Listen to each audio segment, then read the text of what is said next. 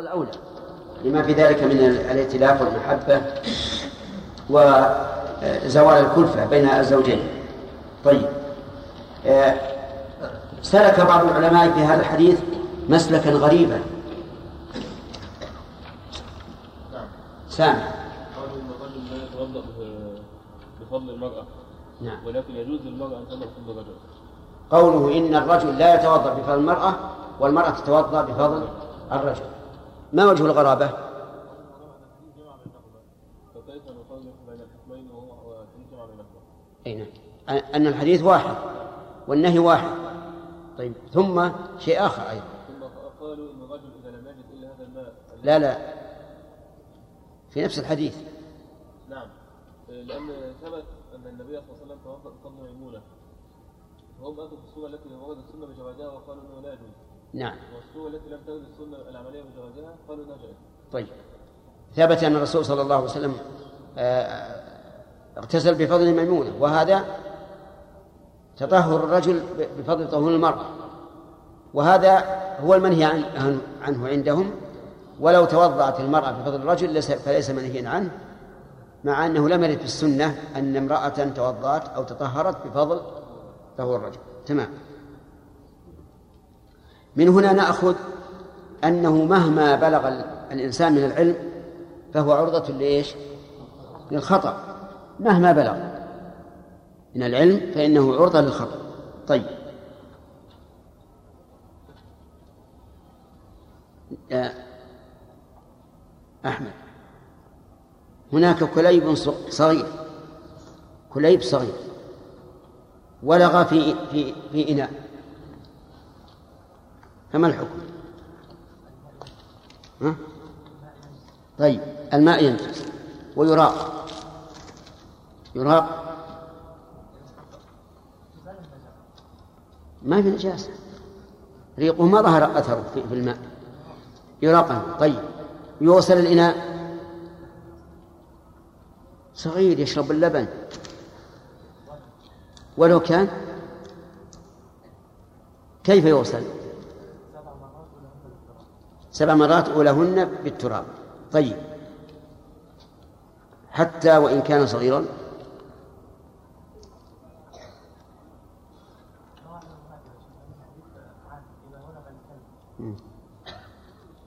إيه؟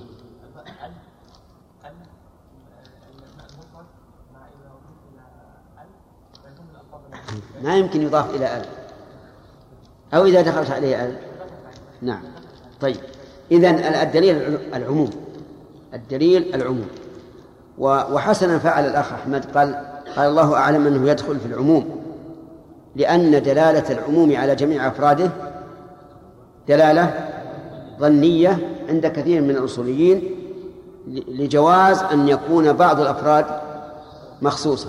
طيب على كل حال الصواب ما قال. حتى وإن كان جروا صغيرا فإنه لا بد من أن يوصل الإناء لسبع غسلات إحداها بالتراب والأولى أولى وردت قصة غريبة في عهد الرسول صلى الله عليه وسلم. تدل على جفاء الأعراب وعدم معرف- معرفتهم لحدود ما أنزل الله على رسوله. قل يا. أي نعم. أي أنت؟ لا. أنت. ارفع يدك شوف هو أنت. اللي الذي دخل المسجد فبال في طائفة من المسجد فنهر الصح فنهر الصحابة. أعرابي دخل المسجد فبال في فبال في طائفة من المسجد. فنهر الصحابة. ف طيب وجه دلالتها على أن الأعراب آه، أهل جفاء وجهل بحدود الله. كونه بال في طائفة المسجد. كونه بال في طائفة المسجد. تمام. فلو وقعت مثل هذه القضية ماذا تفعل أنت؟ أصبر حتى ينتهي ثم أكلمه. ثم تطهر المحل نعم. وتخبر الأعرابي. بحكم. أحسن تمام. هذا هو الصواب. طيب هل فعل الصحابة رضي الله عنهم حي- حين زجروه هل هم على صواب؟ أسألك. ليس على صواب. ليس على صواب. نعم. الدليل؟ كون الرسول صلى الله عليه وسلم أرشدهم إلى غير ذلك. كونه نهاهم. نعم. لكن هل قال لا لا تنهوا؟ أو لا تقطعوا عليه بوله؟ لأنه قال لا تظلموه الثاني. ها؟ الثاني. الثاني. طيب. كأنه عليه الصلاة والسلام أشار إلى العلة في عدم المبادرة بنهي وله ما نهاهم عن المبادرة ولا غضب عليهم عن المبادرة لكن أشار إلى علة تدل على أن الأفضل عدم المبادرة حيث قال لا تزلموه لأن هذا مفسد. أفهمتم هذا يا جماعة؟ طيب. المناقشة ربما تفتح علينا أشياء ما كنا نذكرها في الدرس. هذه أظن لم نذكرها لكن على كل حال هي مفهومة. طيب. هل في الحديث ما يدل على وجوب تطهير المساجد؟ أي نعم.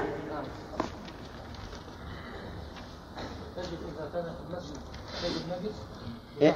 إيه؟ هل فيها دليل هل في الحديث دليل؟ نعم منين تأخذ؟ إرهاقه بذنوب من الماء إيش؟ إرهاقه بذنوب من الماء إرهاقه بذنوب من الماء ما يصلح هذا التعبير ما, يعني ما في دليل أن يضع عليه ذنوب من الماء إيش؟ أن يضع على المكان الذي فيه نجاسة ذنوب من الماء يضع عليه ذنوبا من ماء نعم. والماء في وصل الذنوب لأن يضع ذنوب من ماء معناه يجيب الد- الدلو يقعد فوق يوهق عليه ذنوب. يصب آه، عليه يصب عليه. طيب هل في دليل على أنه واجب؟ نعم. من أين تأخذ؟ أن المساجد لا لا ما هو تعليل أنا أقصد دليل مبادرة الصحابة ها؟ مبادرة- الصحابة في في النهي عن التزين لا لا أنا أسأل هل في هذا الحديث دليل على وجوب تطهير المساجد من النجاسة؟ هذا السؤال أمر النبي صلى الله عليه وسلم الصحابة ها.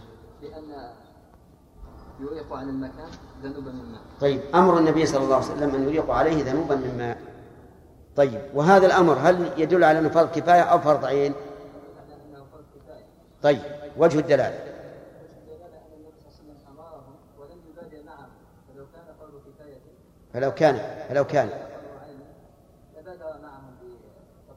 تمام. طيب هل في الحديث دليل على رد قول من يقول إن الأرض تطهر بالشمس والريح؟ علي. يستدلون به على انه أن الأرض لا تطهر بالشمس ولكن يرد هذا. نعم. يعني يرد بأن الرسول صلى الله عليه وسلم أراد مبادرة في تطهير البقعة.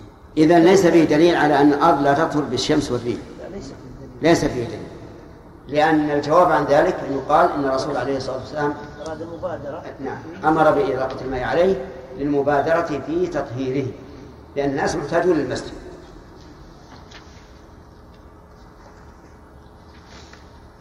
المؤلف رحمه الله أتى بهذا الحديث في باب المياه. فما هي المناسبة لأن كان يتوقع الإنسان أن أن تذكر هذه في إزالة النجاسة فهنا ذكر حديث أبي قتادة وحديث أنس فما المناسب؟ ها من؟ سليم؟ ها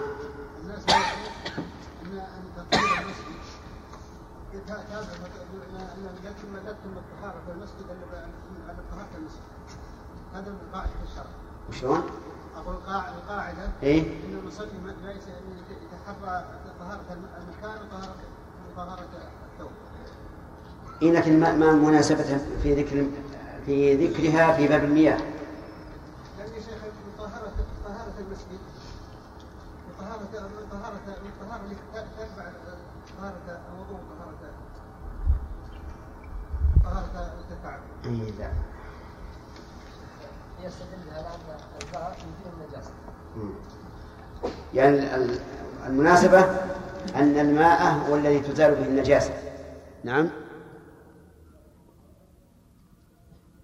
يقول ما وجه المناسبة؟ أن الماء هو المزيل للنجاسات سواء على الأرض أو على غيرها. في حديث أبي واقد الليثي ما قطع من البهيمه وهي حيه فهو ميت إشارة إلى قاعدة ذكرها الفقهاء.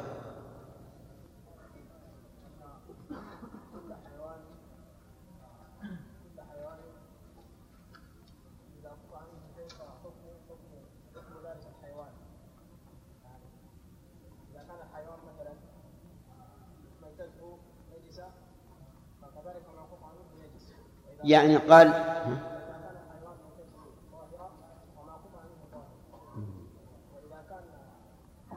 وش القاعدة؟ لأن القاعدة تعرف القاعدة كلمات مختصرة معانيها كثيرة.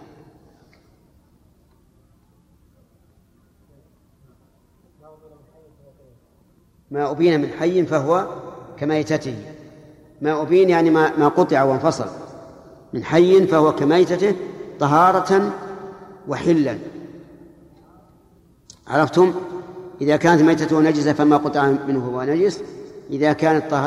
إذا كانت ميتته طاهرة فما قطع منه فهو طاهر. إذا كانت ميتته حلالا فما قطع منه فهو حلال وإذا كانت ميتته حراما فما قطع منه فهو حرام. ولنسأل الآن ما قطع من الآدمي. نعم. حرام. طاهر أو أو نجس؟ طاهر. لماذا؟ علم قول الرسول صلى الله عليه وسلم. علم أحسن الله عليكم لأنه في الأصل طاهر. تعليل كمال. لأنه لا يجوز أصلا أن يقطع من أن يقطع من الآدمي نعم. أي نعم أي لأن ميتته طاهرة. صح لأن ميتة الآدم طاهرة. فما قطع منه فهو طاهر. وكذلك على القول الراجح ما انفصل منه من غير الأذى والقدر كالدم والقيء وما أشبه ذلك فإنه طاهر. أما الأذى والقدر وما خرج من السبيل فإنه يجلس كما مر. الآن أخذ منها شيئا؟ طيب نبدأ بسم الله الرحمن الرحيم. قال المؤلف باب الآنية. الآنية جمع إناء. جمع إناء والإناء هو الوعاء.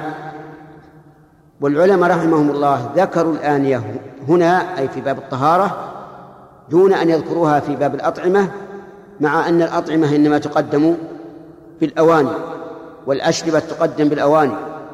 لكن ينبغي أن يذكر الشيء عند أول مناسبة له. وأول مناسبة للأواني هو باب المياه لأن الماء كما تعلمون جوهر سيال لا يمكن الإحاطة به إلا إلا بإناء. فلذلك ذكروا باب الآنية بعد ذكر باب الطهارة. هذا هو السبب. وإلا فلها صلة قوية بباب الأطعمة وباب الأشربة. والأصل في الأواني الأصل الحل. أي إناء تشرب به أي إناء تأكل به فالأصل فيه الحل. إلا ما كان ضارا فإنه حرام. يعني أو إن شئت فقل إلا ما دل الدليل على تحريمه وهذا أعم. إلا ما دل الدليل على تحريمه فإنه حرام. وإلا فالأصل الحل. ولهذا لو أن الإنسان شرب بإناء من خزع وقال له قائل هذا حرام ماذا نقول؟ نقول هذا الدليل. فإذا قال هو أين الدليل على أن الشرب بالخزف حلال؟ قلنا عدم الدليل. عدم الدليل على التحريم هو الدليل. طيب. أكل أو شرب في إناء من الماس. الماس غالي جدا. أكل فيه. فقال له قائل هذا حرام. ماذا نقول؟ نقول هذا حلال. الأصل الحل. إلا ما قام عليه الدليل. مما قام عليه الدليل أن يأكل الإنسان بجزء من الآدمي مثل أن يجد قمة رأس لآدم فيستعملها إناء. فهذا حرام لأن الآدمي إيش هو؟ محترم وإن كان طاهرا لكنه محترم فلا يجوز اتخاذ عضو من أعضاء الآدمي آنية لاحترامه. ومن ذلك أيضا آه، أواني الذهب والفضة. أواني الذهب والفضة يحرم استعمالها في الأكل والشرب. الدليل حديث حذيفة بن اليمان وهو صاحب السر المشهور الذي أسر إليه النبي صلى الله عليه وسلم ببعض أسماء المنافقين. يقول قال رسول الله صلى الله عليه وسلم لا تشربوا في آنية الذهب والفضة ولا تأكلوا في صحافها فإنها في صحافهما فإنها لهم في الدنيا ولكم في الآخرة. لا تشربوا لا ناهية والدليل أنها ناهية وليست نافية حذف النون علامة الجزم. نعم. وقول في آنة الذهب والفضة أي أوعيتهما. ولا تأكلوا في صحافهما أي صحاف الذهب والفضة. ثم إن النبي صلى الله عليه وسلم كعادته غالبا بين الحكمة فقال فإنها لهم في الدنيا ولكم في الآخرة. هذا التعليل. يعني أنكم في هذه الدنيا لا يبلغ بكم الترف إلى أن تأكلوا وتشربوا في آن الذهب والفضة. هذا لمن؟ هذا يتمتع به الكفار الذين يتمتعون في هذه الدنيا كما تتمتع الأنعام والنار مثوى لهم. أما أنتم فأجلوا المسألة أجلوها إلى أن تأكلوا وتشربوا فيها أبد الآبدين. وذلك في الآخرة إذا دخل المؤمنون الجنة جعلنا الله وإياكم منهم فإنهم يأكلون في شرابها في في صحاف الذهب ويشرب والفضة ويشربون أيضا في أوانيها. قال النبي صلى الله عليه وعلى آله وسلم جنتان من ذهب آنيتهما وما فيهما وجنتان من فضة آنيتهما وما فيهما. فهذا الأكل والشرب بهذه الأواني الثمينة لا يكون للمؤمن. هذا هو التعليل المنطبق المضطرد المضطرد وأما تعليل بعض العلماء بأن هذا يوجب تضييق النقدين على الناس لأن النقدين من الذهب والفضة. من الذهب يسمى دينارا من الفضة درهم. قالوا لو أنها جعلت أواني لضاقت النقود على الناس. وبعضهم يقول لأننا لو جعلنا هذه الأواني لو استعملنا هذه الأواني لانكسرت قلوب الفقراء. وهذا أيضا تعليل عليه سنبين إن شاء الله ذلك. ومنهم من قال إن فيه خيلاء وسرفا وهذا أيضا منتقد. طيب. أما الأول وهو التضييق فيقال يلزم على هذه العلة أن نمنع لباس الذهب والفضة على الرجال والنساء لأن ذلك إيش؟ يضيق النقدين على الناس ولا سيما في بلاد ضعيفة الاقتصاد. ومعلوم أن الذهب حلال للنساء وأن الفضة حلال للرجال. آه الذين يقولون إن في ذلك كسرا لقلوب الفقراء. نقول إذا حرم كل ما ينكسر به قلب الفقير.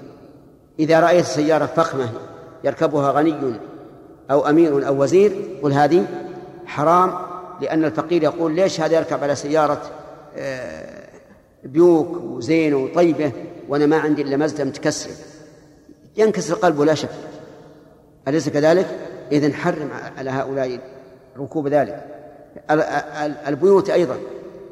رجل بيوته أعشاش والثاني قصور. فخمة مشيدة. حرمها أيضا اللباس. رجل فقير لباسه مرقع. وآخر لباس مؤخر اللباس. المباح. يقول أيضا حرمه. لأن هذا ينكسر به قلب قلب الفقير ولا تقول به. بقى علينا السرف والخيلاء. السرف والخيلاء قد يكون في أواني غير الذهب والفضة أشد. الأواني من الماس والجواهر النفيسة التي هي أعلى من الذهب والفضة أشد خيلاء وأشد إسرافا ومع ذلك لا تحرمها لذاتها. والذهب والفضة محرم لذاته حتى وإن كان فنجانا. وهذا الرجل عنده ملايين الملايين. لا يعد سرفا ولا يهتم به. نقول هذا حرام. إذن العلة التي ذكرها النبي عليه الصلاة والسلام هي العلة المضطردة التي لا تنتقل. من يستطيع أن يقول إن الذهب والفضة لل- للكفار في الآخرة؟ لا أحد يستطيع. أما في الدنيا فيقول إنها لهم. لهم في الدنيا ولكم في الآخرة. هذه العلة العليلة. سبب تحديث حذيفة بهذا الحديث أنه كان في في بيته أو في قصره فجاءه دهقان من الدهاقين نعم دعا ماء دعا بماء دعا بماء فجاء الدهقان إليه بماء بإناء من فضة فأخذ الإناء ورماه به رماه رمى الدهقان به وقال للجماعة اللي عنده إني أخبركم أني قد نهيته أن يسقيني فيه لقول النبي صلى الله عليه وسلم لا تشربوا في آنية الذهب والفضة ولا تأكلوا في صحفهما وانتبهوا لقوله إني نهيت أن يسقيني فيه لأن سيترتب عليها مسألة إن شاء الله تأتينا. المهم أن حذيفة حدث بهذا الحديث بهذا السبب وربما حدث به في مكان آخر لا أدري لكن هذا الذي جاء في صحيح مسلم. ففي هذا الحديث فوائد. أولا تحريم آنية الذهب والفضة. لأن الأصل في النهي التحريم ولأن في الحديث إشارة إلى أن من أكل أو شرب فيه ماء فإنه حري أن يحرمهما في الآخرة لأن الله لم يبح ذلك لنا إلا في الآخرة. ومن فوائد هذا الحديث أنه لا فرق بين الآنية الكبيرة أو الصغيرة أو الأكل الكبير الكثير أو الأكل أو الشرب اليسير. حتى لو جرعة من الماء في ملعقة فهي حرام. وكذلك أيضا لو كانت لقمة واحدة في ملعقة فهي حرام. لماذا؟ لأن النبي صلى الله عليه وسلم قال ما نهيتكم عنه. إيش؟ فاجتنبوا إذا نجتنب الأكل كله والشرب كله ما نأكل لا بقليل ولا بكثير لا بآنية كبيرة ولا آنية صغيرة. ومن فوائد هذا الحديث حسن تعليم الرسول عليه الصلاة والسلام وذلك بذكر العلة عند ذكر الحكم. لأن ذكر العلة يوجب الطمأنينة واستقرار القلب وكذلك يبين سمو الشريعة وأنه ليس فيها حكم إلا مقرون بحكمة. وهذه من أحسن التعليم وأبين البيان. ومن فوائد الحديث جواز استعمال آنية الذهب والفضة في غير الأكل والشرب. لأن النهي إنما هو عن الأكل والشرب فقط. فلو استعمل الإنسان آنية الذهب والفضة في أدوية يخزنها أو في دراهم أو في أي حاجة من الحاجات غير الأكل والشرب فإنه لا بأس به. وذلك لأن النبي صلى الله عليه وعلى آله وسلم أفصح الناس وأنصح الناس وأعلم الناس. ولو كان جميع الاستعمال محرما لأتى بعبارة عامة حتى لا يبقى الأمر مشكلا. الرسول عليه الصلاة والسلام ليس يتكلم الكلام فيدعه مشكلا على الناس. لا بد أن يذكر. شوف لا تجيبي إلا الشيء الضروري.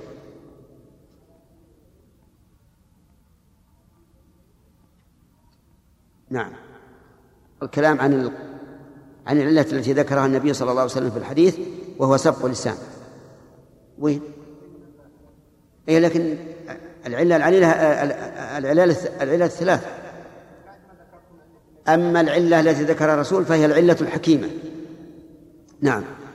أقول إن الرسول عليه الصلاة والسلام أفصح الخلق وأنصح الخلق وأعلم الخلق. ولو كان استعمال الذهب والفضة في غير الأكل والشرب حراما لبينه الرسول عليه الصلاة والسلام بيانا واضحا حتى لا يبقى إشكال. ثم إن قول حذيفة رضي الله عنه إني أخبرت إن إني أخبركم أني قد نهيته أن يسقيني بها يدل على أن حذيفة كانت عنده هذه الآن لكنه لا يستعملها في في أكل أو شرب وهذا واضح. ولا ينبغي لنا إطلاقا إذا ذكر الشارع شيئا خاصا أن نعممه لأن. لأن ذلك يعني أننا ضيقنا ما وسعه الشارع ضيقنا ما وسعه الشارع ومعلوم أننا نتعبد بما دلت عليه بما دل عليه الكتاب والسنة لا نحجر على عباد الله وهنا ثلاثة أمور اتخاذ واستعمال في غير الأكل والشرب واستعمال في الأكل والشرب الاستعمال في الأكل والشرب حرام ولا حلال؟ حرام لا إشكال فيه. بل ظاهر النص أنه من كبائر الذنوب. الاتخاذ الخلاف فيه معروف. بمعنى يتخذ الإنسان إما زينة أو أو لسبب من الأسباب لكن لا يستعملها. هذا الخلاف فيه معروف. استعمال حكى بعض الناس أن العلماء أجمعوا على التحريم ولكن ليس بصحيح. ما في إجماع. وقد أنكر الشوكاني رحمه الله في نيل, في نيل الأوطار هذا إنكارا عظيما. وقال إن السنة تدل على أن المحرم هو الأكل والشرب فقط والقياس ممنوع ولا يصح. وما ذهب إليه الشوكاني رحمه الله هو الذي تدل عليه الأدلة وأن المحرم هو استعمالها في الأكل والشرب. وسيأتينا في حديث أم سلمة النهي عن الشرب في إناء الفضة وأنها هي رضي الله عنها اتخذت جلجلا من فضة. يأتينا إن شاء الله في الدرس المقبل.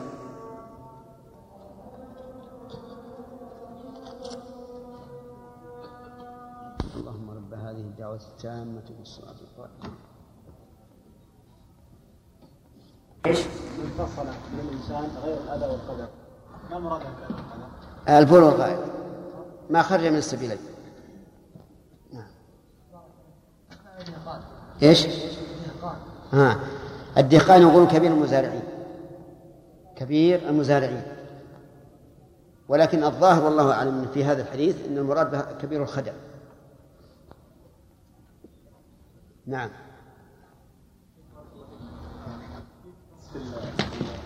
في الذهب والفضة. نعم. نصف في الذهب والفضة الخالص فما اختلط بالذهب؟ يعني الإناء الذي يكون مخلوط بالذهب. اي نعم نعم. هذا إذا كان مجرد لون فإنه ليس حراما. لكنه ينهى عن آه، دفعا للتهمة التي تحصل للإنسان المستعمل وأيضا دفعا للاقتداء به لأن بعض الناس قد يقتدي به.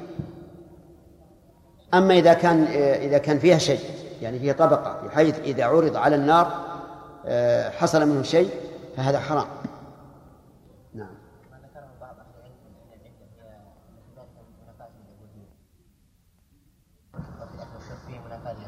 كيف ذلك؟ منتفات العبودية؟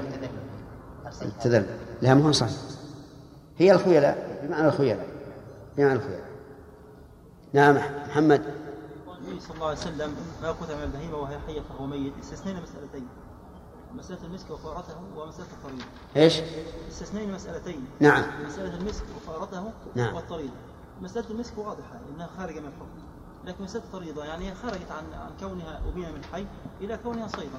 نعم. لا هم هم أصلا يقطعون قبل أن تموت. إذا لا إذا بقيت حية. لكن هي حين القطع حية فيها حياة مستقرة. طريده نعم. إيش؟ لا ربما أنها تع- تعدو بعض الشيء على ثلاث أرجل ثم يكمل عليه. نعم. بسم الله الرحمن الرحيم. الحمد لله رب العالمين وصلى الله وسلم على نبينا محمد وعلى آله وأصحابه ومن تبعهم بإحسان إلى يوم الدين. لباب الآنية مناسبتان فما هما؟ باب الآنية لذكره مناسبتان فما هما؟ نعم. أي نعم. أن الماء جوهر سيال لا مناسبتان يعني يذكر في محل له محلان يناسب أن يذكر فيه. يذكر في الأطعمة وفي في باب الأطعمة والأشربة وفي باب المياه. وفي كتاب الطهارة طيب. مناسبته لباب الأ- الأشربة والأطعمة؟ الأشربة والأطعمة؟ نعم. آه، مناسبته ظاهرة يا شيخ. ظاهر. لأنه لأن الطعام والشراب يعني يحتاج إلى وعاء يحمل فيه. طيب. ولباب الطهارة ولباب الطهارة أن الماء لما كان جوهرا سيالا يحتاج إلى إناء يحوي هذا هذا الماء. طيب. ولماذا اخ- اختاروا أن يجعلوه في باب الطهارة اختاره لتقديم لتقديم الحاجة إليه. في باب المياه لأنهم يذكرون الشيء عند أول مناسبة له. طيب. أفهمت؟ طيب. آه، ما هو الأصل في الأواني؟ الحل. أصبر. الدليل. الدليل. عدم الدليل. عدم الدليل على إيش؟ على التحريم. بارك الله فيك. وما هو الدليل الإيجابي؟ لأن هذا الدليل الذي قلنا عدم. الدليل كل شيء هذا التعليل قول النبي صلى الله عليه وسلم لا تأكلوا في آنية الذهب والفضة فهذا خصص من الآنية الذهب والفضة بس ما يدل على أن الأصل الإباحة. أحسنت هذه؟ هذه قلها بجزم. قوله تعالى هو الذي خلق لكم ما في الأرض جميعا. طيب. إذا كل ما في الأرض فهو لنا إلا ما قام الدليل على منعه. آه، لماذا حرم الشرب والأكل في آنة الذهب والفضة؟ عبد الله أفغاني. علل النبي صلى الله عليه وسلم بأن هذا في الدنيا للكفار ولنا في الآخرة. نعم. بأنها لهم في الدنيا ولنا في الآخرة. فهم عجلت لهم طيباتهم في الدنيا وأترفوا فيها وأما نحن فلنا ذلك في الآخرة. واضح؟ طيب. شوف سبحان الله يعني تأمل. ال... الذين أجرموا إذا مروا بال- بالمؤمنين يضحكون ويتغامزون. والمؤمنون في يوم القيامة يضحكون من الكفار. مقابلات د- دائما هذه وهذه لنا الآخرة ولهم الدنيا. طيب هل يدل الحديث على جواز استعمال آنية الذهب والفضة في غير الأكل والشرب؟ أي نعم. ما حضرت؟ أي. نعم. الدليل.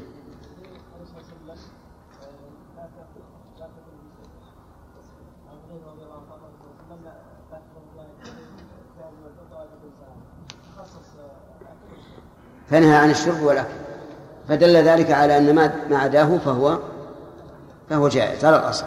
يعني مثل إنسان عنده إناء يجعل فيه دواء سواء من ذهب أو من فضة. طيب علل بعض العلماء بالتعاليل في تحريم في مناسبة تحريم الشرب في آنة الذهب والفضة والأكل بصحفهما اذكر واحدا منها. نعم. وهل هذا تع- تعليل عليل أو مستقيم؟ لا عليه كيف؟ لأن أولا اختلاف ما علل النبي صلى الله عليه وسلم. طيب. أنه خلاف ما علل به النبي صلى الله عليه وسلم لأن الرسول صلى- صلى الله عليه وسلم علل. ها. ثانيا من قال فيه الطريق النقدين وهذا غير صحيح فإن أن كون يسرى بالذهب والفضة لا يمنع. إذا قلنا طريق النقدين فنمنع أيضا الحلي الذي هو في النساء. إذا قلنا هذه هي العلة أيضا من أنا الحلي. كذا؟ طيب. لأنه يضيق. الثاني؟ تعليل آخر الآخر شيء كي لا يضيق على لكي لا يحزن الفقير. نعم. لأن لا ينكسر قلب الفقير طيب هل هذا سليم؟ مستقيم؟ ها. لو بنى على هذا الشيء ها. لكان شو اسمه يعني حرم من منع شو اسمه ركوب السيارات. لا لا منعنا من كل ركوبات السي- السيارات الفخمة والقصور المشيدة وغير ذلك. طيب. حامد آه. ثالث. ثالثا ثالثا أن شو اسمه؟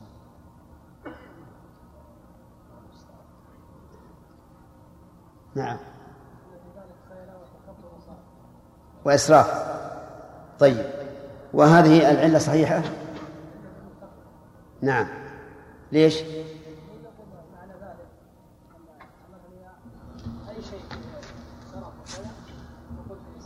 لا هذا رد على الأول اللي قال الأخ. منعنا بهذا من كان أغلى من الذهب والفضه من الانيه نعم.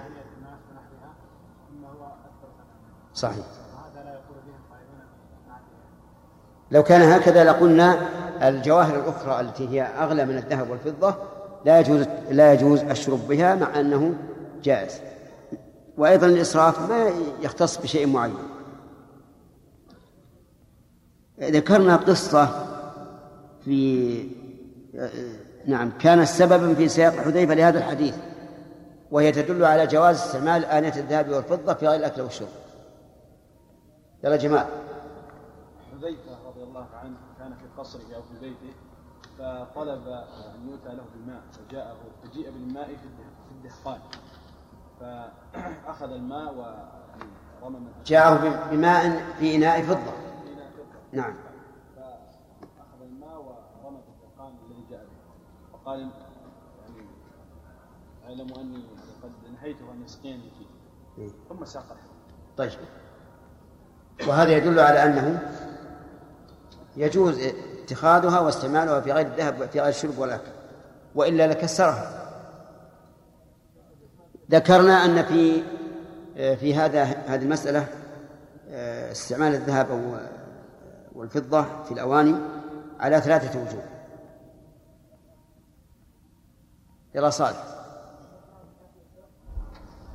حرام ما سألتك عن الأحكام. أعطني الوجوه بارك الله فيك. استعمالها في الأكل والشرب.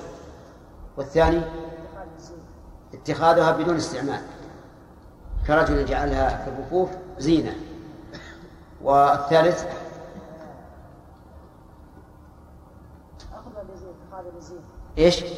لزين ذكرناها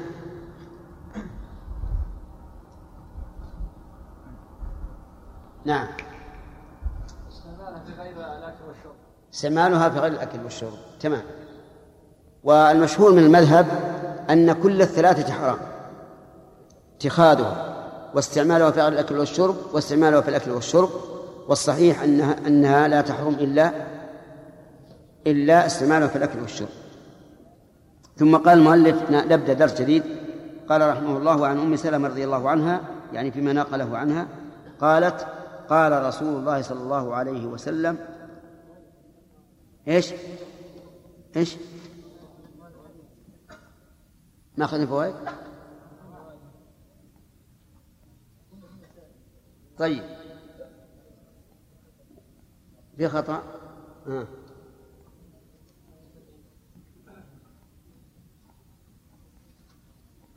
صفحة 78 فوق وتحت من فوق ما هو؟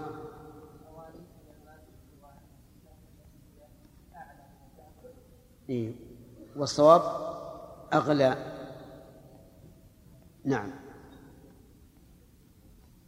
صححت سطر 11 12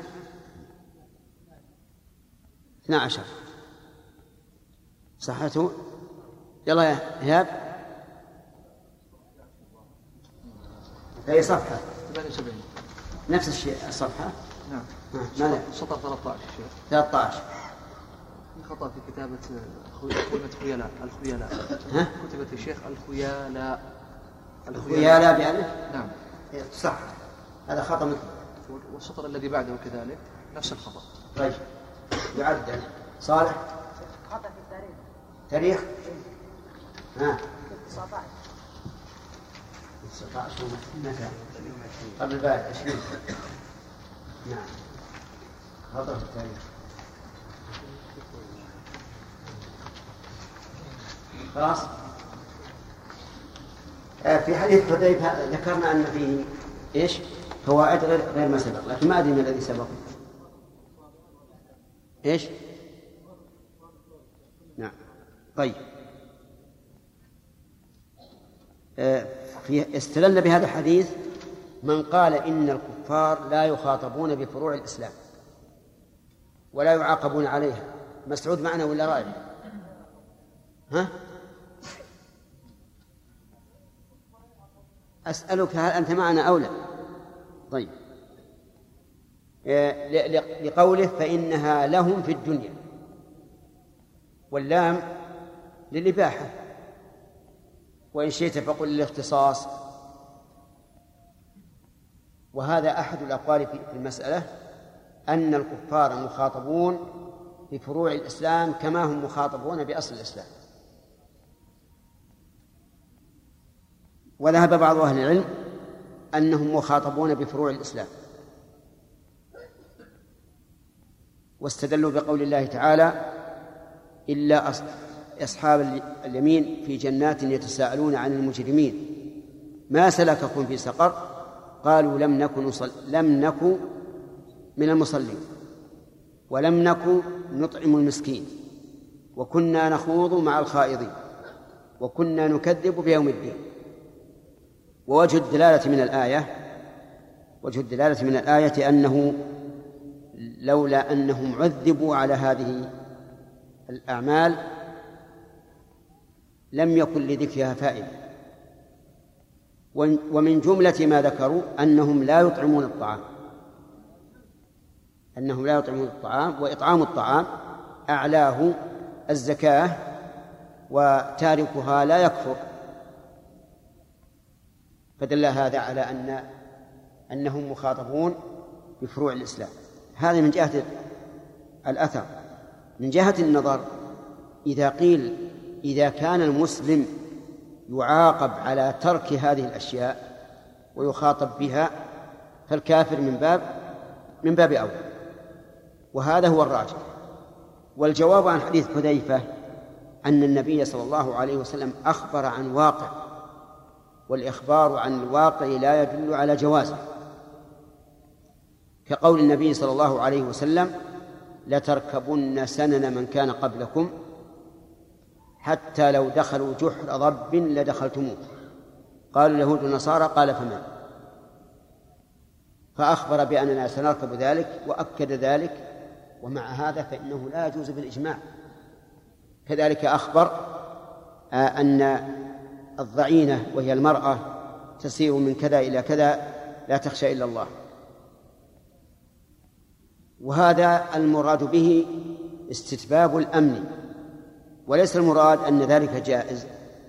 فالإخبار عن الواقع كونا وقدرا لا يدل على جوازه شرعا.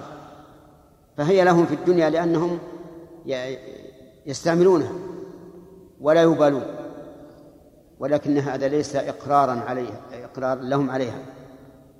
فإن قال قائل إذن إذا رأينا كافرا يشرب في آنية الذهب والفضة على هذا التقدير يجب أن ننكر عليه. قلنا لا يجب لأن الواجب في دعوة الكافر أن نبدأ بالأهم فالأهم.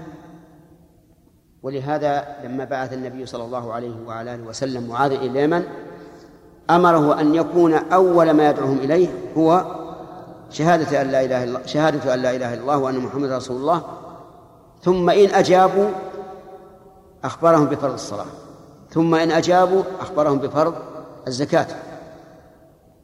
فدل هذا على أننا نأمرهم أولا أن يسلموا.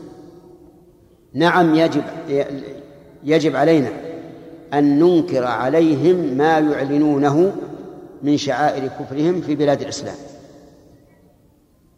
كشرب الخمر مثلا وما أشبه ذلك نمنعهم من هذا لأن هذا محرم عندنا ولا يجوز لهم إلا أن يخضعوا لأحكام الإسلام حتى يكون الإسلام هو الأعلى.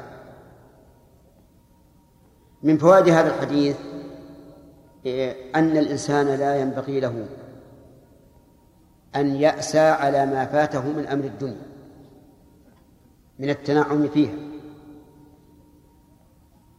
لماذا؟ لأن المؤمن له الآخرة. وقد قال الله تعالى والآخرة خير وأبقى وهذا عام.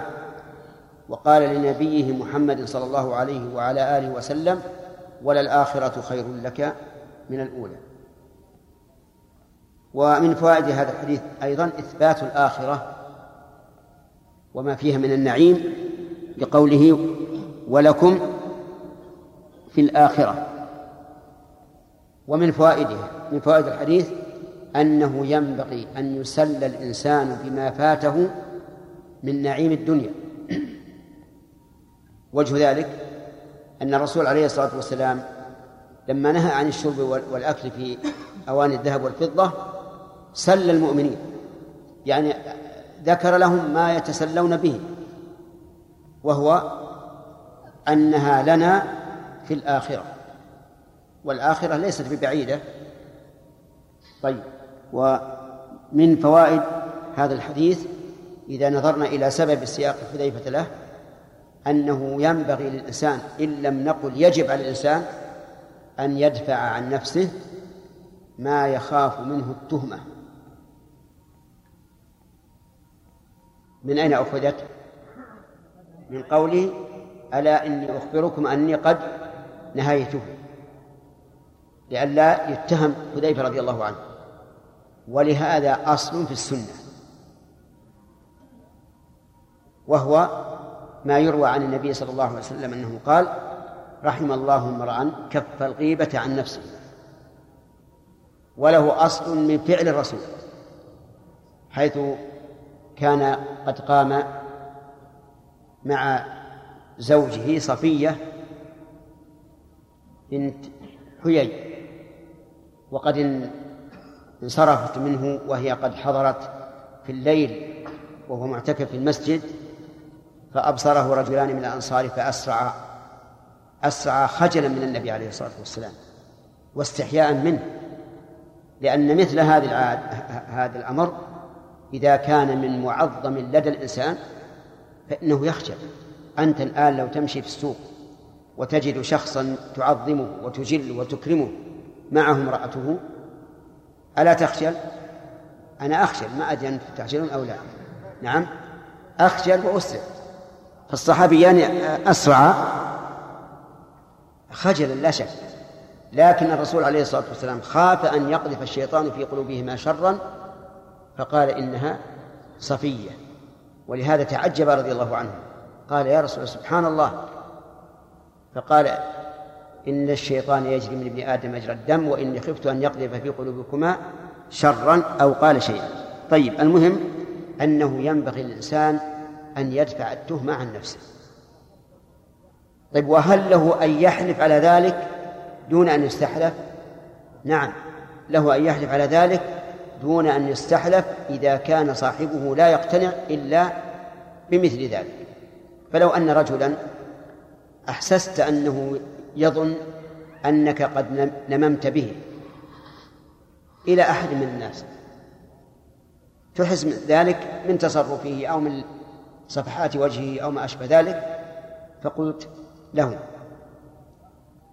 إن بعض الناس يظن كذا وكذا أنني فعلت ولكنني لم أفعل وأقسمت على ذلك فلا بأس لأن الشيطان يجري من ابن آدم مجرى الدم.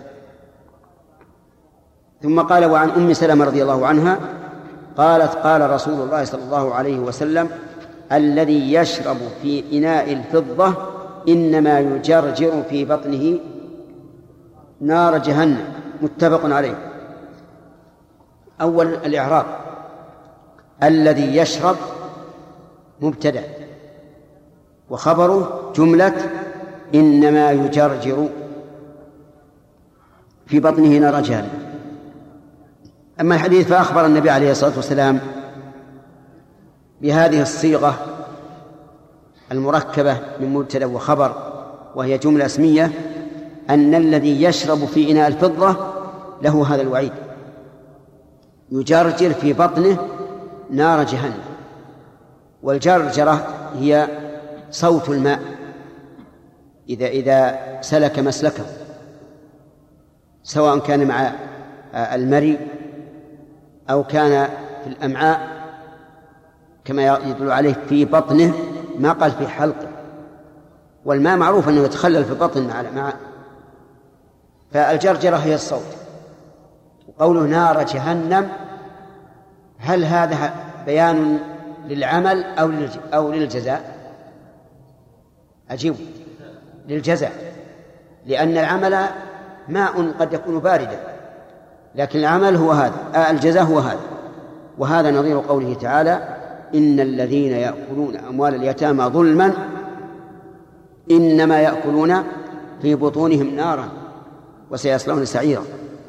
هذا بيان لإيش؟ للجزاء. وأطلق الجزاء على الفعل لأنه بسببه. في هذا الحديث دليل على أن الشرب في إناء الفضة من كبائر الذنوب. يبين لنا العقيل وجه ذلك حيث رتب عليه وعيد فهو من الكبائر. وتختلف الكبائر عن الصغائر. بأنها أي الكبائر لا تكفرها العبادات كالصلاة والصوم وما أشبه ذلك. بل لا بد لها من توبة خاصة. وأيضا الكبيرة يخرج الإنسان من العدالة بمجرد فعلها أن يكون مردود الشهادة غير نافذ نافذ الولاية حتى يتوب. ومنها أن من الأمة من قال إن فاعل الكبيرة كافر وإن كان القول ضعيفا لكن لم يقل أحد من من الأمة فيما أعلم إن فاعل الصغيرة يكون كافرا. إذن الكبيرة أعظم. وهل الكبائر تختلف؟ نعم.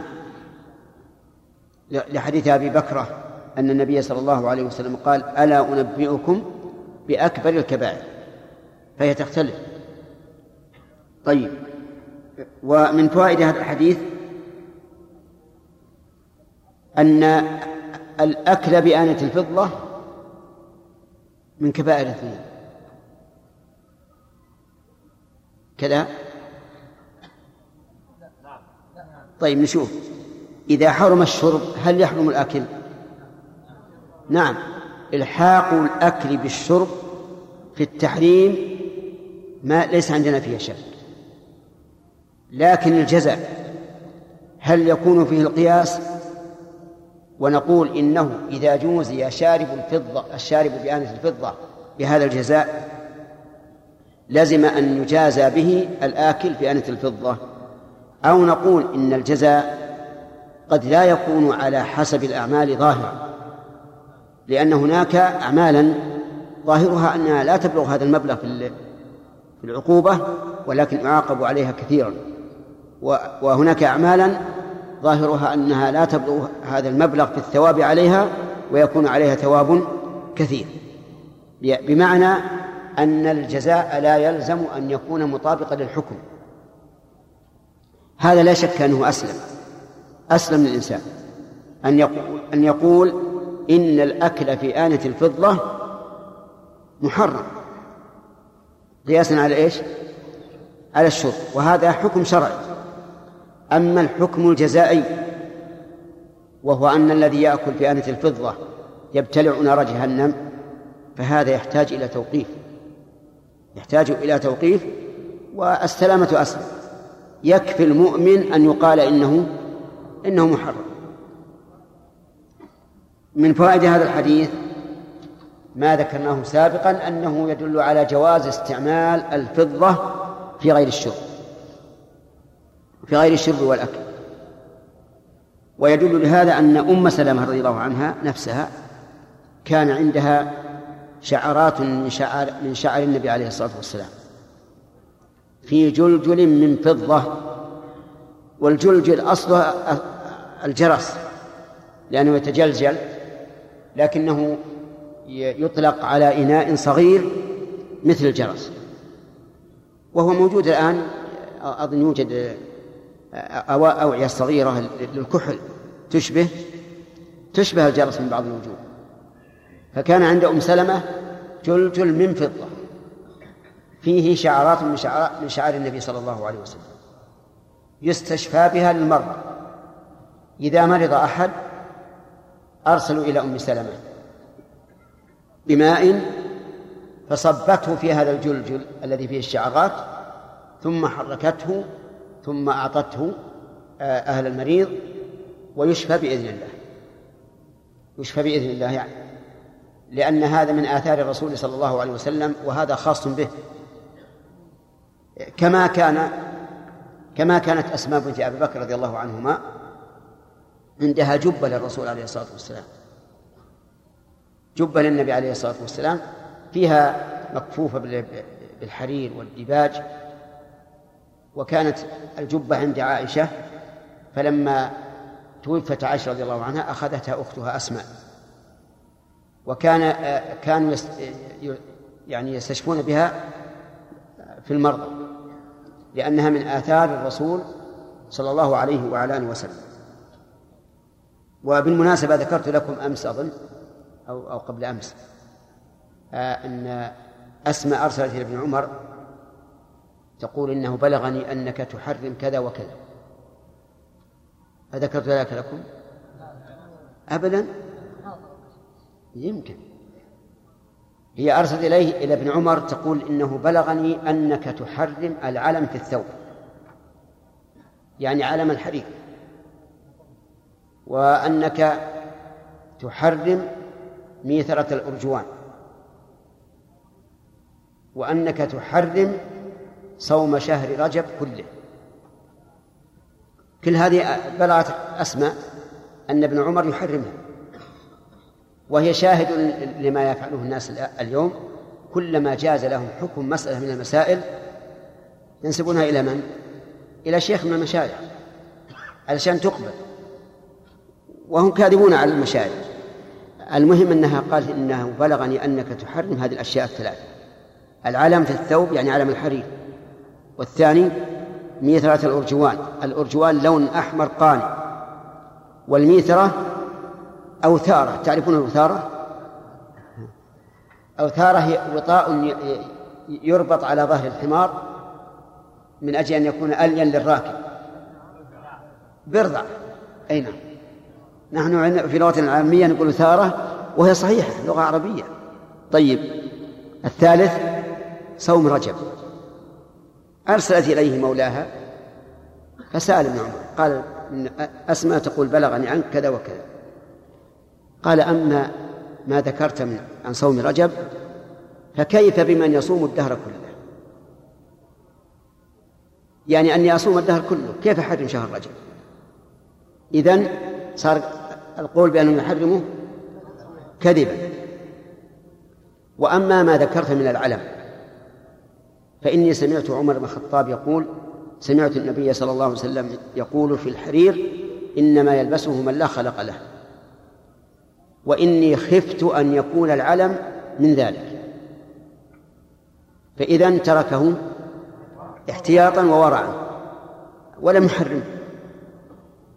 وأما ما ذكرت من الميثرة ميثرة الأرجوان فهذه ميثرة عبد الله يعني نفسه فإذا هي فإذا هي أرجوان فيكون قد حرمه إلا أحلها أحلها. فانظر يعني إلى السلف الصالح كيف يتأدب بعضهم مع بعض ولا يذهب إلى إذا نقل عن شخص ما لم يقل يذهب ينشره بين الناس لا أرسلت إليه تسأله. وتبين أن ما نسب إليه ليس بصحيح. طيب هذه لعلها تكون فائدة أفيد من كثير من دروسنا نعم. طيب آه آه نحن نقول الآن إن أم سلمة رضي الله عنها كان عندها جلجل من ذهب استشفى به وسقنا حديث أسماء بنت أبي بكر من أجل الجبة لما قال له قال لها مولاها إنه خاف أن يكون العلم داخلا في تحريم الحرير أخرجت الجبة التي كان الرسول يلبسها. وإذا أكمامها فيها الحرير وجيبها فيه الحرير وفيها أيضا لبنة من حرير. قالوا اللبنة إنها عبارة عن قطعة من الحرير ترصع في عند الجيب. وقالت إنهم إنهم كانوا يستشفون بها في المرض وعن وعن ابن عباس رضي الله عنهما. قال قال رسول الله صلى الله عليه وسلم إذا دبغ الإهاب فقد طهر أخرجه مسلم. وعند الأربعة أيما إهاب دبر يعني فقد طهر. وعن سلمة بن محبق رضي الله عنه قال قال رسول الله صلى الله عليه وسلم دباغ جلود الميتة طهورها صححه ابن حبان. وعن ميمونة رضي الله عنها قالت مر النبي صلى الله عليه وسلم بشاة يجرونها فقال لو أخذتم إهابها فقالوا إنها ميتة. فقال فقال إيش؟ يطهرها الماء والقرض. أخرجه أبو داود والنسائي. هذه أحاديث في حكم الجلود. التي تكون من ميتة.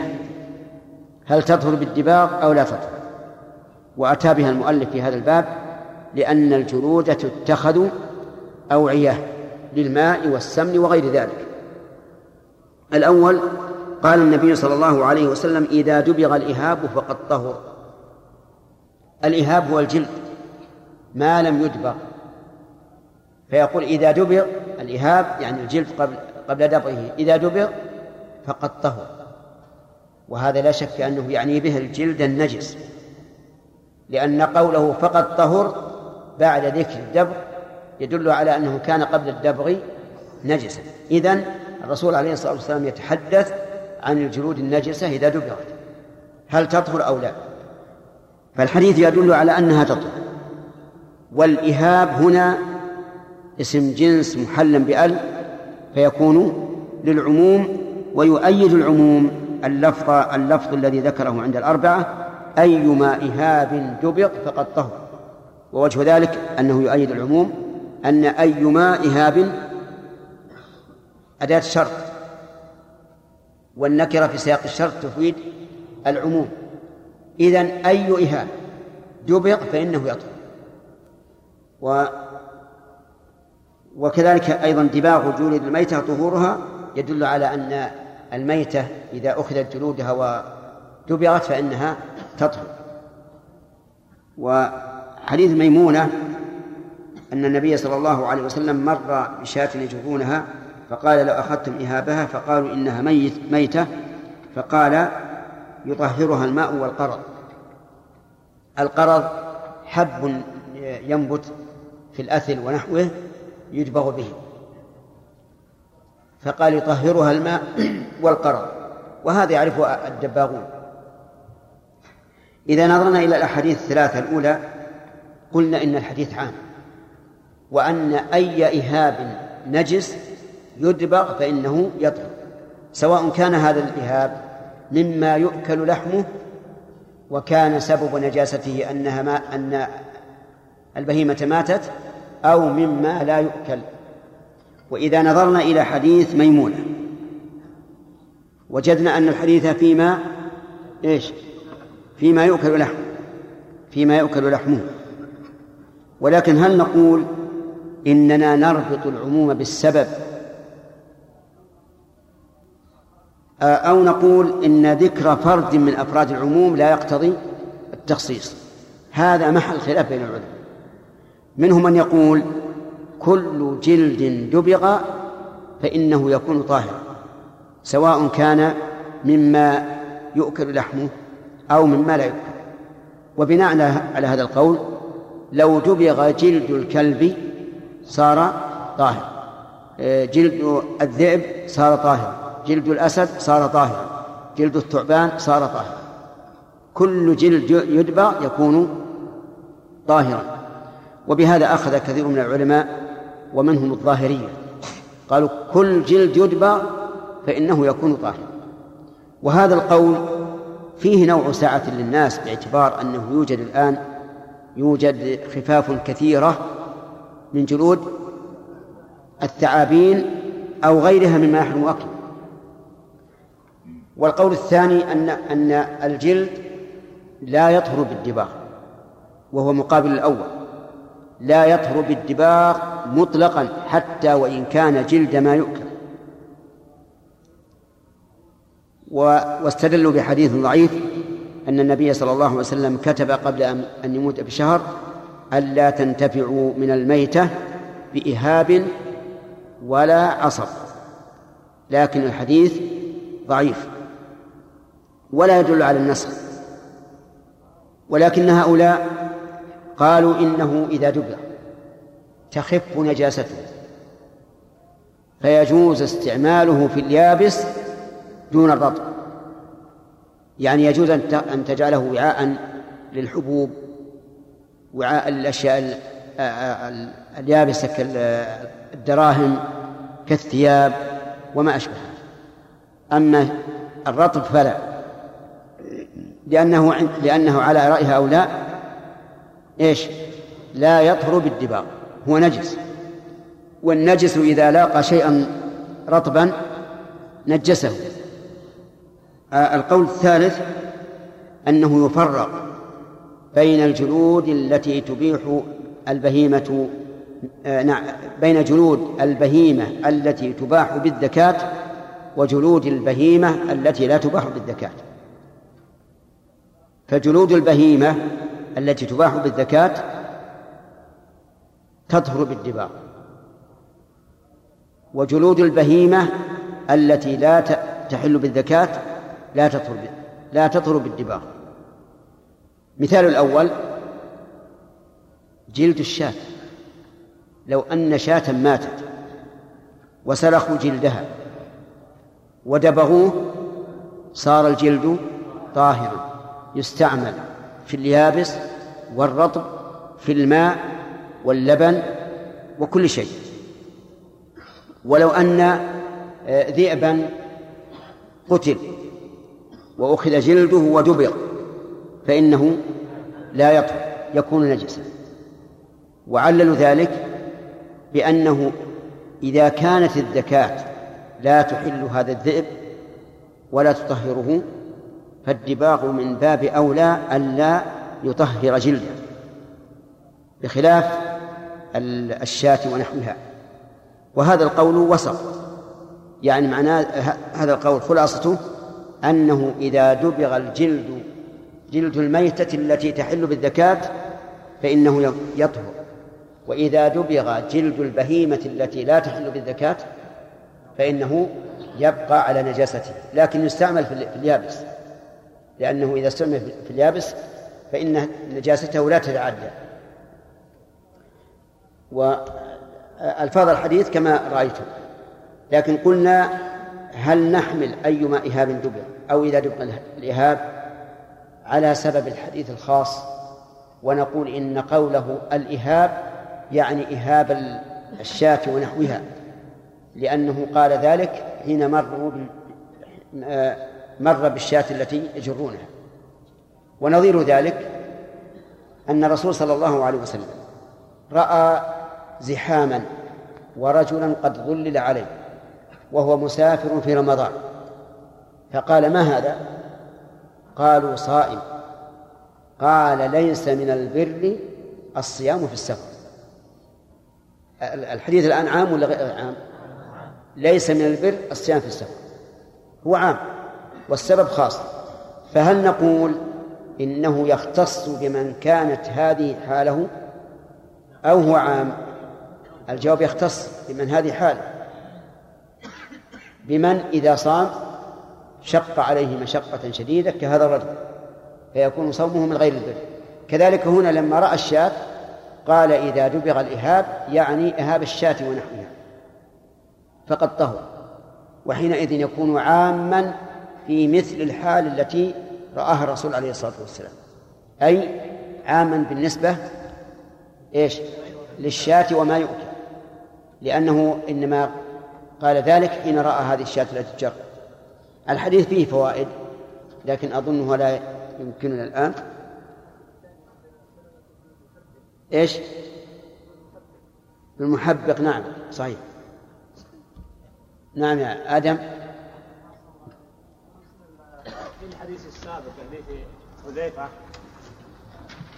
قلنا أن استعمال الأواني بغير الأكل والشرب. قلنا يجوز. نعم. هل معنى ذلك يشمل أن الإنسان يعني يجوز له أن يتوضأ ويتطهر منهما؟ أي نعم. نعم. يشملها نعم.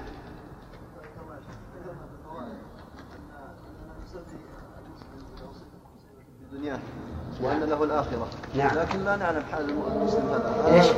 لا نعلم حاله في الآخرة فكيف نصدق لا هو مؤمن. ما نشهده هو بنفسه.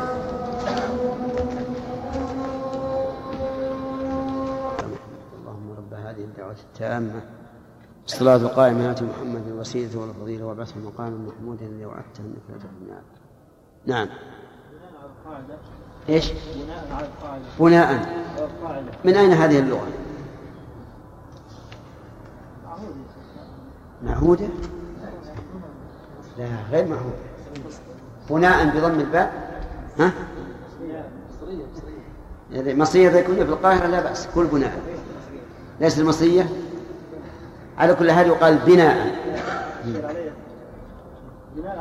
اللحن كثير. مثل قوله الآن يعني تحول مسألة.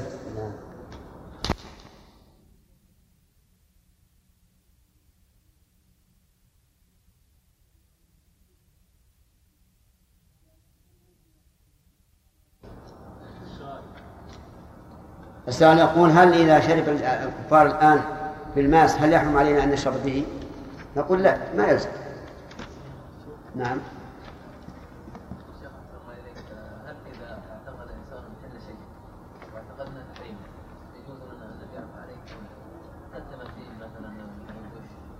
لا لا ما يجوز لأن آه، كما لو رأينا مثلا امرأة آه، لا تلزمها صلاة الجمعة هل يجوز أن نبيع عليه- عليها بعد أذان الجمعة؟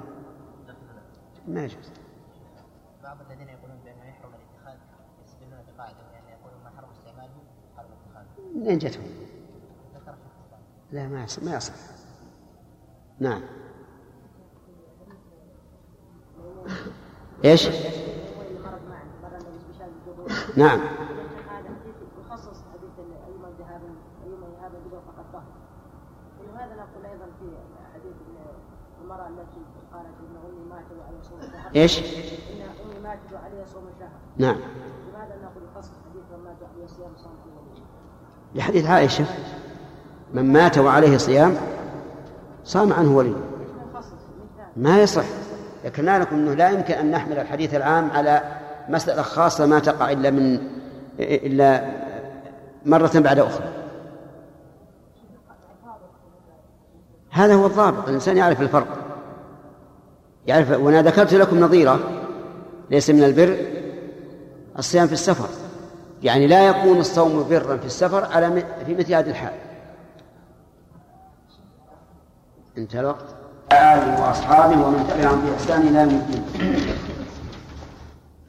آه، ما الذي تبين لنا مما سبق من الأحاديث في حكم شرب آه، الشرب بآنية الذهب والفضة؟ أم من الكبائر هو أم من الصغائر؟ لماذا؟ لترتيب الوعيد عليه. والقاعدة عند العلماء أن كل شيء رتب عليه وعيد فهو من كبائر الذنوب. طيب. لو شرب في آنة الماس. محمد حامد. جائز. آه شوف كيف؟ جائز. آه آنية الماس. جائز. أيما أغلى؟ الماس أو الذهب والفضة؟ أغلى الماس طيب. كيف يكون جائزا وهو في الذهب والفضة حرام لأن الرسول صلى الله عليه وسلم حدد العلة. أن الآنية الذهب والفضة للكفار في الدنيا ولنا في الآخرة. ولم ويبقى ما سواهما على ويبقى ما سواه من العلل غير معمول. به لا ويبقى ما سواهما على الأصل. على الأصل. وهو الإباحة وهو الإباحة طيب. إذا قدر أن استعمال الماس لهذا الرجل المعين من الإسراف. قل يا. لا. إيه. ما حضرت؟ إيه طيب. نعم. ولو كان كذلك. إذا قدر أنه من الإسراف في حق شخص معين. قدر. يجوز.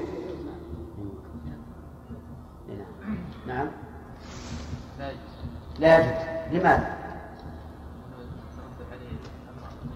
الدليل الدليل عقل الدليل. الدليل قوله تعالى ولا تسرفوا إنه لا يحب المسرفين صحيح. وعلى هذا يكون الناس يختلفون. بعض الناس ربما إذا إذا استعمل الماس نقول ليس حراما والثاني نقول أنه حرام.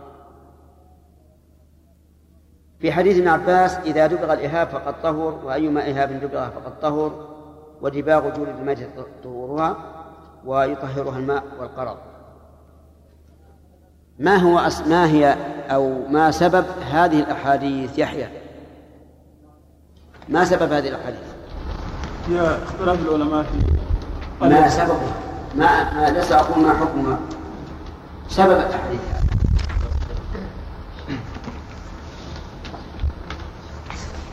سببها أن النبي صلى الله عليه وسلم عبد الحميد ولا ولا مسعود الأريح لكم. ما سمعنا أن رجلا له اسنان إلا إذا كان له رأسان ها؟ الاسم لأننا الناس شكر عليك قال- اسم الحقيقة عبد الحميد والله يا شيخ في الأوراق مسعود ولكن الاسم اسم الشهرة عبد الحميد لأن العائلة ينادوني عبد الحميد. هذه إذا في الجزائر عبد الحميد وهنا مسعود طيب. طيب. يلا. آه، هو أن النبي صلى الله عليه وسلم مر أمامه أو مر أمامه بشاة تجر. آه، ماتت حتف أنفها. فقال لو أخذتم دباغها؟ إيه. لو أخذت مهابها هابها نعم. طيب. إذا سببه أن الرسول الله صلى الله عليه وسلم رأى شاة تجر وهي ميتة وعرض عليهم يأكلوا إهابها فقالوا إنها ميتة فجاءت الأحاديث بها واختلفت الألفاظ بناء على اختلاف الرواة. آه، كيف اختلاف العلماء في هذه في حكم هذه المسألة؟ شرف. أي نعم. ينتر على الأقوال المشهورة ولا في أقوال أخرى؟ نعم. قال الدباغ لا يطهر نعم. نعم ومنهم من قال انها تبيح مطلقا فصل فقال ما كان نعم. هذه أصول الخلاف. أصول الأقوال فيها أنها إما تطهر مطلقة أو لا تطهر مطلقة أو أو فيه التفصيل. طيب بناء على القول بأن كل إهاب دبغ فإنه يطهر. لو دبغ الإنسان آه، جلد حمار سامح. يطهر ويستعمل في كل شيء. نعم. وعلى القول بأنه لا يدخل لو أنه دبغ شاة جلد شاة ميتة إبراهيم. يجوز استعماله في اليابس نعم. لأن الدباغ النجاسة. طيب. القول الراجح عندي آه، أنه لا يطهر إلا ما تحله الذكاة أي لا لا يطهر جلد ميتة إلا إذا كانت تحلها الذكاة لأنه يكون كال- كالثوب إذا تنجس فطهر. وأما ما كان نجس العين من أصل الخلقة فلا يطهر بالدباغ هذا أقرب الأقوال عندي والله أعلم. آه نأخذ درس آه، الجديد الآن. عن أبي ثعلبة الخشني رضي الله عنه قال قلت يا رسول الله إنا بأرض إنا بأرض قوم أهل الكتاب أفنأكل في آنيتهم؟ قال لا تأكلوا فيها إلا ألا تجدوا غيرها فاغسلوها وكلوا فيها متفق عليه. أي فوائد؟ نعم. سبحان الله. كل ما يتعاقب الجلد طيب. آه ناخذ الفوائد إن شاء الله. في حديث ابن عباس من فوائده آه أن أن دبغ الجلد يطهره لقوله إذا دبغ الإهاب فقد طهر.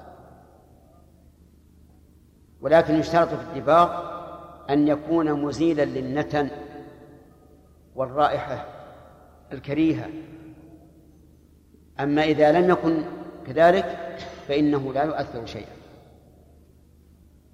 ومن فوائد هذا الحديث أن ظاهره أن أي إهاب دبغ فقد طهر حتى لو كان إهاب كلب. ولكن الراجع أن هذا العموم يكون عموما معنويا على حسب الوصف الذي ورد عليه. فلا يختص بذلك الجلد أي جلد تلك الشاة المعينة.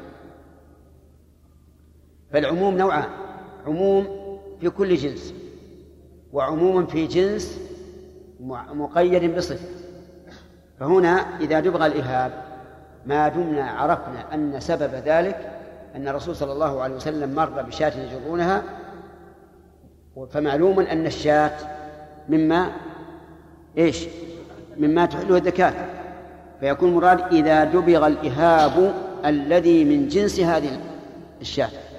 فقد طهر فإذا قال قائل كيف تخصصون الجنس أو النوع واللفظ قلنا نظيره أن النبي صلى الله عليه وسلم مر برجل آه نعم رأى رجلا قد ظلل عليه وزحاما حوله وكان في سفر. فقال ما هذا؟ قالوا صائم. قال ليس من البر الصيام في السفر. أي ليس من البر الصيام في السفر في من كان حاله كهذا الرجل بدليل أن الرسول صلى الله عليه وسلم كان يصوم في السفر. حتى قال أبو الدرداء رضي الله عنه كنا مع النبي صلى الله عليه وسلم في رمضان في يوم شديد الحر. وأكثرنا ظلا صاحب الكساء ومنا من يتقي الشمس بيده وما فينا صائم إلا رسول الله صلى الله عليه وسلم وعبد الله بن رواحة. ومعلوم أن الرسول عليه الصلاة والسلام لا يدع البر ولا يفعل ما ليس ببر. وعلى هذا فيتعين أن يكون هذا العموم عاما في جنس من هذه حالة. وهذا لا ينافي قول العلماء العبرة بعموم اللفظ لا بخصوص السبب لأننا الآن لم نخصصه بالسبب. لو خصصناه بالسبب لقلنا ليس من البر صيام هذا الرجل فقط. لكن عممناه في جنسه. عممناه في جنسه. وهذا هو معنى قولنا العبرة بعموم اللفظ لا بخصوص السبب. فعلى هذا يكون قوله إذا دبغ الإهاب أي إهاب؟ إهاب هذا الجنس. يعني الغنم. والغنم مما تحله الزكاة. ومن فوائد إتيان المؤلف رحمه الله بألفاظ بلفظ الأربعة أصحاب السنن أيما إهاب الإشارة إلى أن الأل في قوله الإهاب في اللفظ الأول للعموم. حتى لا يقول قائل إن أل للعهد. إن إذا جغب الإهاب يعني إهابكم هذا. وحينئذ نستفيد من هذا اللفظ ما استفدناه أولا أن الإهاب أي إهاب كان من هذا النوع فإنه أو من هذا الجنس فإنه يطهر. ومن فوائد هذا هذا الحديث الإشارة إلى أن النجاسة يراد إزالتها بأي مزيل ولذلك لم يجعل النبي عليه الصلاة والسلام أداة للتطهير في الجلد جلد الميتة إلا الدباغ. فلو أنك غسلته بماء البحر لم يطهر حتى يدبغ لماذا؟ جيبوا لأن النجاسة لا تزول إلا بهذا.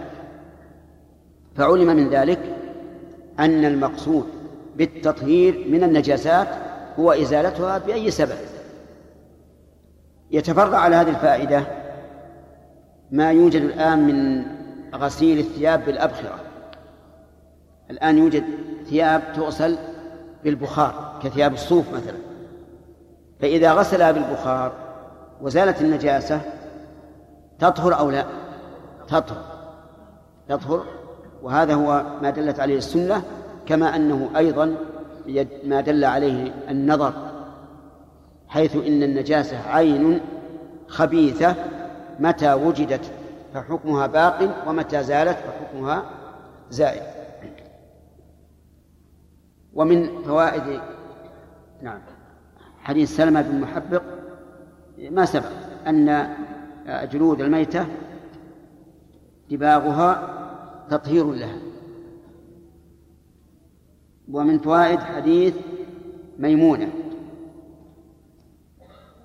حرص النبي صلى الله عليه وسلم على حفظ المالية وعدم إضاعة الأموال حيث عرض عليهم أن إيش؟ أن يدبغوا جلد هذه الميتة حتى ينتفعوا بها.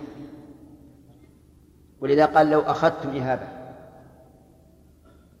ومن فوائد الحديث حديث ميمونة آه، حسن دعوة النبي صلى الله عليه وعلى آله وسلم حيث لم يباشر أمرهم بأخذه لأنه يعلم أنهم إنما تركوا ذلك استقدارا لها فلهم نوع من من العذر لهم نوع من العذر. ولهذا عرض عليهم المسألة عرضا قال لو أخذتم إهابة ومن فوائد الحديث أيضا أن النبي صلى الله عليه وعلى آله وسلم كان لا يعلم الغيب. ولننظر لهذه الفائدة. لقولهم إنها ميتة. فهل يصح أن نأخذ هذه العلة من الحديث لأن الصحابة أخبروه؟ في هذا نظر. لكن فيه دليل على جواز مجادلة العالم الذي يخشى أن يكون خفي عليه بعض الشيء وتنبيهه.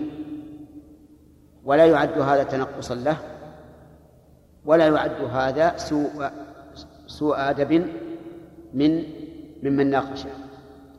الدليل على هذا قولهم إنها ميتة. لما قال لو أخذتم إهابة وهذا عرض أن يأخذوه قالوا إنها ميتة.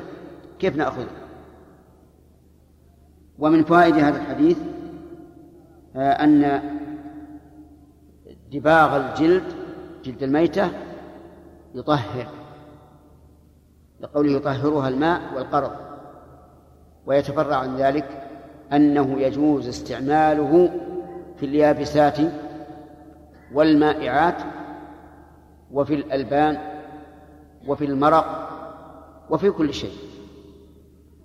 فإن قال قائل هل يجب علي إذا كنت أت... إذا أتيت باللبن من سقاء جلد ميتة مدبوغ أن أخبر من أسقيه؟ أو لا يجب؟ لا يجب؟ طيب حتى لو علمت أنه لو علم بذلك لم يشرب. الظاهر نعم حتى لو علمت لأن ذلك لا يضره. أنا لم أخفي عليه شيئا يكون ضارا له. ونظيره ما مر علينا في مسألة الذباب. لو سقط الذباب في الشراب وغمسته وأخرجته ثم قدمت لإنسان يشربه وأعرف أن هذا الإنسان لو علم بأنه سقط فيه الذباب ما شرب. هل يجب أن يخبره؟ لا يجب. ما دام الشيء لا يضر فإنه لا يجب لأن هذا إنما يستقدره لو لو علم به وإذا لم يعلم فالأمر طبيعي.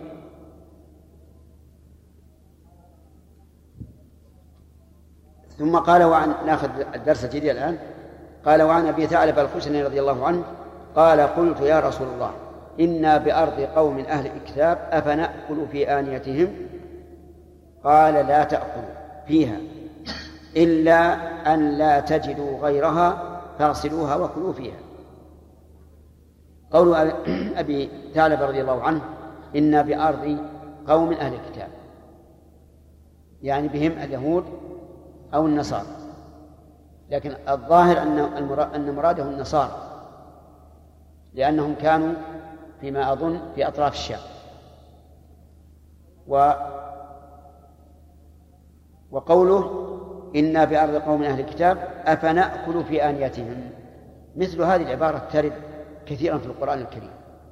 أفنأكل وهي أن يؤتى بالهمزة وبعدها عاطف وبعدها معطوف. فكيف يكون التقدير؟ لعلماء أنه في ذلك وجهان. الوجه الأول أنهم يقولون إن أفنأكل معطوفة على ما سبق. ما سبق. وأن الأصل فأنأكل الأصل إن الف قبل الهمزة. فتقول فأنأكل فيكون التقدير فأنأكل تعطف جملة إنشائية على جملة خبرية وهذا لا مانع منه. والوجه الثاني يقولون إن الهمزة داخلة على محذوف يقدر بما يناسب السياق. يقدر بما يناسب السياق. هذا القول أقعد من الأول. يعني أقرب للقواعد من الأول. لكن فيه صعوبة. ووجه الصعوبة؟ أن الإنسان قد يشكل عليه المقدر فيقول ماذا أقدر؟ أحيانا يستعصي عليك أن تقدر شيئا معينا وحينئذ تلجأ إلى إيش؟ إلى القول الأول. وعلى هذا فنقول إن أمكنك أن تقدر شيئا محذوفا بعد الهمزة عطف عليه ما ما بعد العاطف فهذا أولى. وإذا لم يمكنك فعليك بالقول الثاني الذي هو الأول الذي اسمه أولا. لأن الإنسان إذا لم يجد الماء فإنه يتيمم فإذا استعصى عليك أن تقدر شيئا مناسبا فقل الهمزة كان مكانها قبل الفاء. في هذا. بعد الفاء لا والفاء هي التي عطفت الجملة وليس فيه إلا عطف جملة إنشائية على جملة خبرية. هنا ماذا نقدر إذا أخذنا بالقول الثاني؟ هل نقدر أنخالطهم فنأكل في أنتهم نعم. ماذا نقدر؟